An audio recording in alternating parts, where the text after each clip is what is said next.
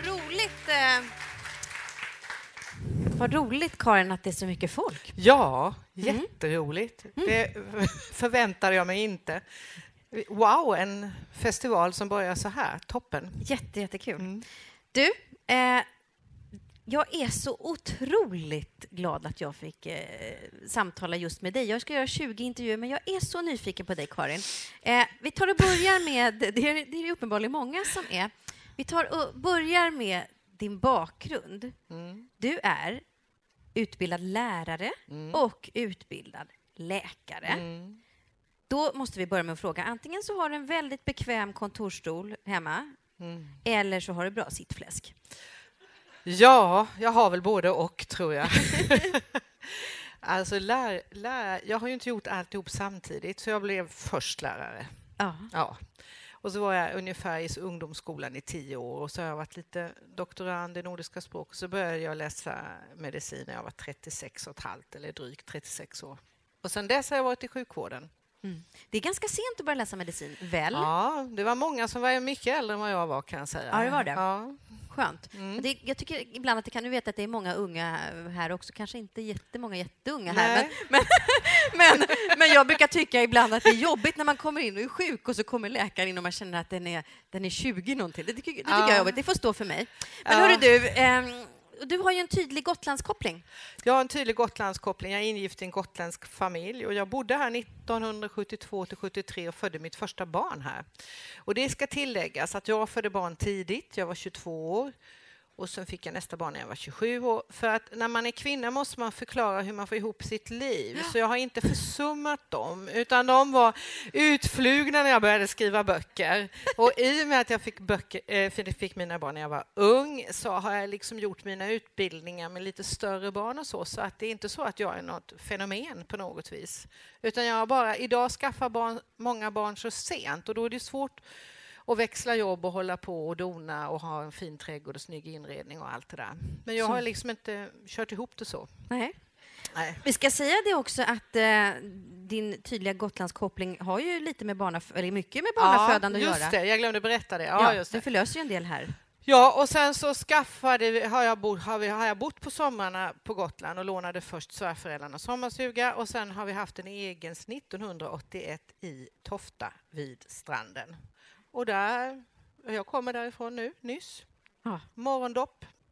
Det är ett litet känt hus det där, det där Muminhuset. Ja, det ena huset, just det. Sen har jag sedan fem år tillbaka jobbat här som gynekolog och förlossningsläkare efter att ha varit 16 år på en stor universitetsklinik i Lund. Och det är så fint att föda barn här, det ska ni veta. Ni är inte i den åldern, men ni har kanske barn och barnbarn. Säg inte det, det går väl, forskningen går väl framåt där också? ja, alltså det var så sorgligt. Jag har bestämt mig för att inte eh, jobba här längre därför att jag behöver vara hemma mer. Jag har kommit upp i en ålder, jag fyller 65 i höst. Men jag älskar verkligen framför allt barnmorskor och undersköterskor, helt underbara människor. Jag vill bara säga det. Ja. Jag håller med, de jag har träffat. Ja. Du, um, nu var du inne på din ålder där, det är bra, då behöver vi inte gå in på det. Men du debuterade ju sent, får ja. man säga. 50-årsåldern debuterade du som författare. Alltså, första boken kom ut i mars eh, 2001, 2001 och så fyllde jag 50 i oktober då. Ja. Så att eh, så var det. Varför väntar du så länge? Nej, jag har aldrig liksom känt något behov av att skriva böcker så. Och det, kom, det kom som en blixt från en klar himmel. Ärligt talat så är det ju så här att ni går väl alla och dagdrömmer och så tänker man och fan och shit och bla bla bla och så fantiserar man om lösningar i livet och den jäkeln borde få sig en och den skulle jag vilja umgås med. Vi håller väl alla på lite så. Det var bara det att jag jobbade under ganska tuffa arbetsvillkor på en stor klinik som inte var Alltså, det var ingen harmonisk arbetsmiljö om man enkelt uttrycker sig. Samtidigt som det på en stor klinik också finns fantastiska människor i den här soppan av ganska otrevliga människor också kan jag säga. Och då var det en gång ett morgonmöte, vi hade läkare emellan och där var det rätt så tufft och alla ville vara störst, bäst och vackrast och fin fem fel först och allt det där. Och då började jag fantisera liksom, uh, där jag satt, för det var ingen som hoppade på med mig den morgonen. Det hade de gjort andra morgnar. Och då tänkte jag så här, men gud, tänk om det händer något mycket värre än det här de sitter och tjafsar om. Tänkte Ja. jag. Och då tänkte jag, ja, tänk om någon dog, tänk om en kollega dog, tänk om en läkare dog. Och så läste jag ju bara deckare just den perioden, för det var det enda jag orkade läsa. Deckare är ju liksom, det går ju av sig själv. Mordet, utredningen och den moraliska upplösningen. Så tänkte jag, ja, jag kan väl börja då. Så gjorde jag det. Och det är nog lite typiskt för mig att jag nog börjar och så får jag se om det går och går det inte så går det inte. Men det var så kul och jag kände ärligt talat, och nu ska jag prata, nu ska jag skryta. Efter att ha skrivit ett kapitel så kände jag, ja, men det här att skriva flyter ju på rätt bra. Jag var nästan förvånad själv. Och sen var det också väldigt konstigt, för alla som känner mig och har jobbat med mig vet att jag höjer rösten lite mycket och jag försöker sänka den ibland och att jag pratar och är livlig. Eh, och, eh, och, det här, och då, men mina, mitt sätt att skriva är ju inte alls så. Det är, inte, det är ganska omständigt och lite segt och ordentligt och mycket så. Det är inte liksom ett mord här och en kropp där och lite blod som sprutar där. Det är inte så. Och det förvånade mig, men så skriver inte jag. Alltså jag skriver ganska noggranna personporträtt och jag gillar det. Så du lärde känna dig själv under skrivandets process? Lite grann gjorde jag det. Mm. Lite grann. Sen tillhör jag ju de som har haft eh, lite tur där, för att när första boken jag höll på med den. Jag har försökt räkna ut när jag började, 96 tror jag ungefär att det var. Mm. Och sen skickade jag in den till förlaget och vi skrev papp på papper i januari 2000. Mm. Och det gick ganska fort, va? jag blev antagen ganska som en gång då. Mm. Det är det enda jag har gjort i livet som har gått så, räkmackevarianten kan jag säga. Gjorde Ja. det. Och sen så sålde de dessutom då. Ah, Så det har varit det har jätteroligt. gått bra och vi läser. Ja, och Vi det finns är ännu roligare. Ja. Men du, sen hände någonting i ditt författarskap. Ehm, eh, 2000, ska vi se om jag minns rätt, 13, stämmer det? Då Ja. kommer du med eh, den här, En Ja. finns det hopp. Ja, Och plötsligt så är vi i eh, 50-talet. 50-talet. Ja, det, är, 1953. Mm. det är fortfarande på sju, sjukhus. Ja. Eh, och, men 50-talet, hur är det att skriva om 50-talet? Ja, det, var, det, det har ju med mitt åldrande att göra med att det är en viss tjusning och det gör vi ju alla, gå tillbaka till en tid som jag... Eh, jag föddes 1950. 53 minns jag inte, men det är ju alla, i alla fall en tid som jag lätt kan referera till. Eh, och idén till den här eh, gick jag bara på ett tag medan jag skrev mina eh, kriminalromaner. Jag har skrivit åtta stycken och eftersom jag gör som jag vill kan jag mycket väl återvända till det, men jag är inte där nu. Men då eh, så såg jag, och jag har berättat det många gånger, jag och min man såg Matador. Den kom ut i box, den här danska serien ni vet, med Tante Mö och alla knäppa människor. Men den är ju helt underbar. Först tycker man att det är mycket ateljé och väldigt konstigt, men sen är det ju väldigt lätt att gripas av personerna och deras öde. Och samlingspunkten där är ju bank och klädeshandel. Och så tänkte jag, gud, jag vill skriva en sån bok med många människor som myllrar. Och för mig var det självklart att det skulle bli ett lasarett. Mm. Och då sa min man att 50-talet skulle det bli med, bestämde jag mig för, eftersom det är en tid jag ändå har aningar om. Och då så sa han, varför inte ta polioepidemin som var 1953 i Sverige, den största polioepidemin vi någonsin har haft. Eh, Så det finns 16 000 människor som lever idag som har alltså sekvelen, som man säger, som alltså har problem efter den polioepidemin, Mm. eller någon epidemi innan. Så det är ju då, kan man säga, har jag fått lära mig av eh, recensenter, en kollektiv roman. Mm. Kollektivet kring ett lasarett, alltifrån badeskan i källaren till systrar, elever, till doktorinnor, överläkare och så. Och sen är det ehm, Eh, vad sa jag? Kollektiv. Och så är det ju en klassroman eftersom ju klasskillnaderna eller klasserna vi levde i var tydligare då. Det vet jag inte om det är sant, för det är nog rätt så tydligt idag med om man bara tittar efter. Fast det är ju många miljöer man aldrig är i, som vissa förorter och så. Så var det, va? Mm. Och det är klart att jag förstod att fo- folk skulle få nippra när de märker alla människor jag skriver om. Så att det finns en sån här personlista i början på boken, som det var förr, vet ni. Ja, och i barnböcker, ska jag säga. Ja, ja, också i det? ryska romaner. Va? Ja, och det var någon recensent som skrev den är värre än en rysk roman. tänkte jag, mm, mm, kan jag. Men men pro problemet när man skriver så är ju att kunna fördjupa sig i personerna när de är så många, så därför får man ju istället kompensera genom att skriva många böcker. Och då kom nästa bok då. Och då är vi ur, då är vi ur polion. Mm. Så den första, En finns det hopp, är en titel från en eh, sång som var populär då. Tro Mm. lilla hjärtevännen, tro än finns det hopp. Den hjälpte mig min väninna Katarina Massetti som är tillräckligt många år äldre än vad jag är för att liksom sjunga alla sånger som var populära 1953. Och den andra heter Livet går vidare av den enkla anledningen att jag hörde att jag själv sa det med anledning att det hade hänt en tragik på min klinik här och då sa vi ja, ja, livet går vidare och det gör ju det Mm. till vi dör, eller hur? Mm. Och då kan det ju gå vidare för de andra. Mm. Och nu håller jag på med tredje, jag har inte riktigt kommit igång då. Och den ska he- heter Lätta ditt hjärta.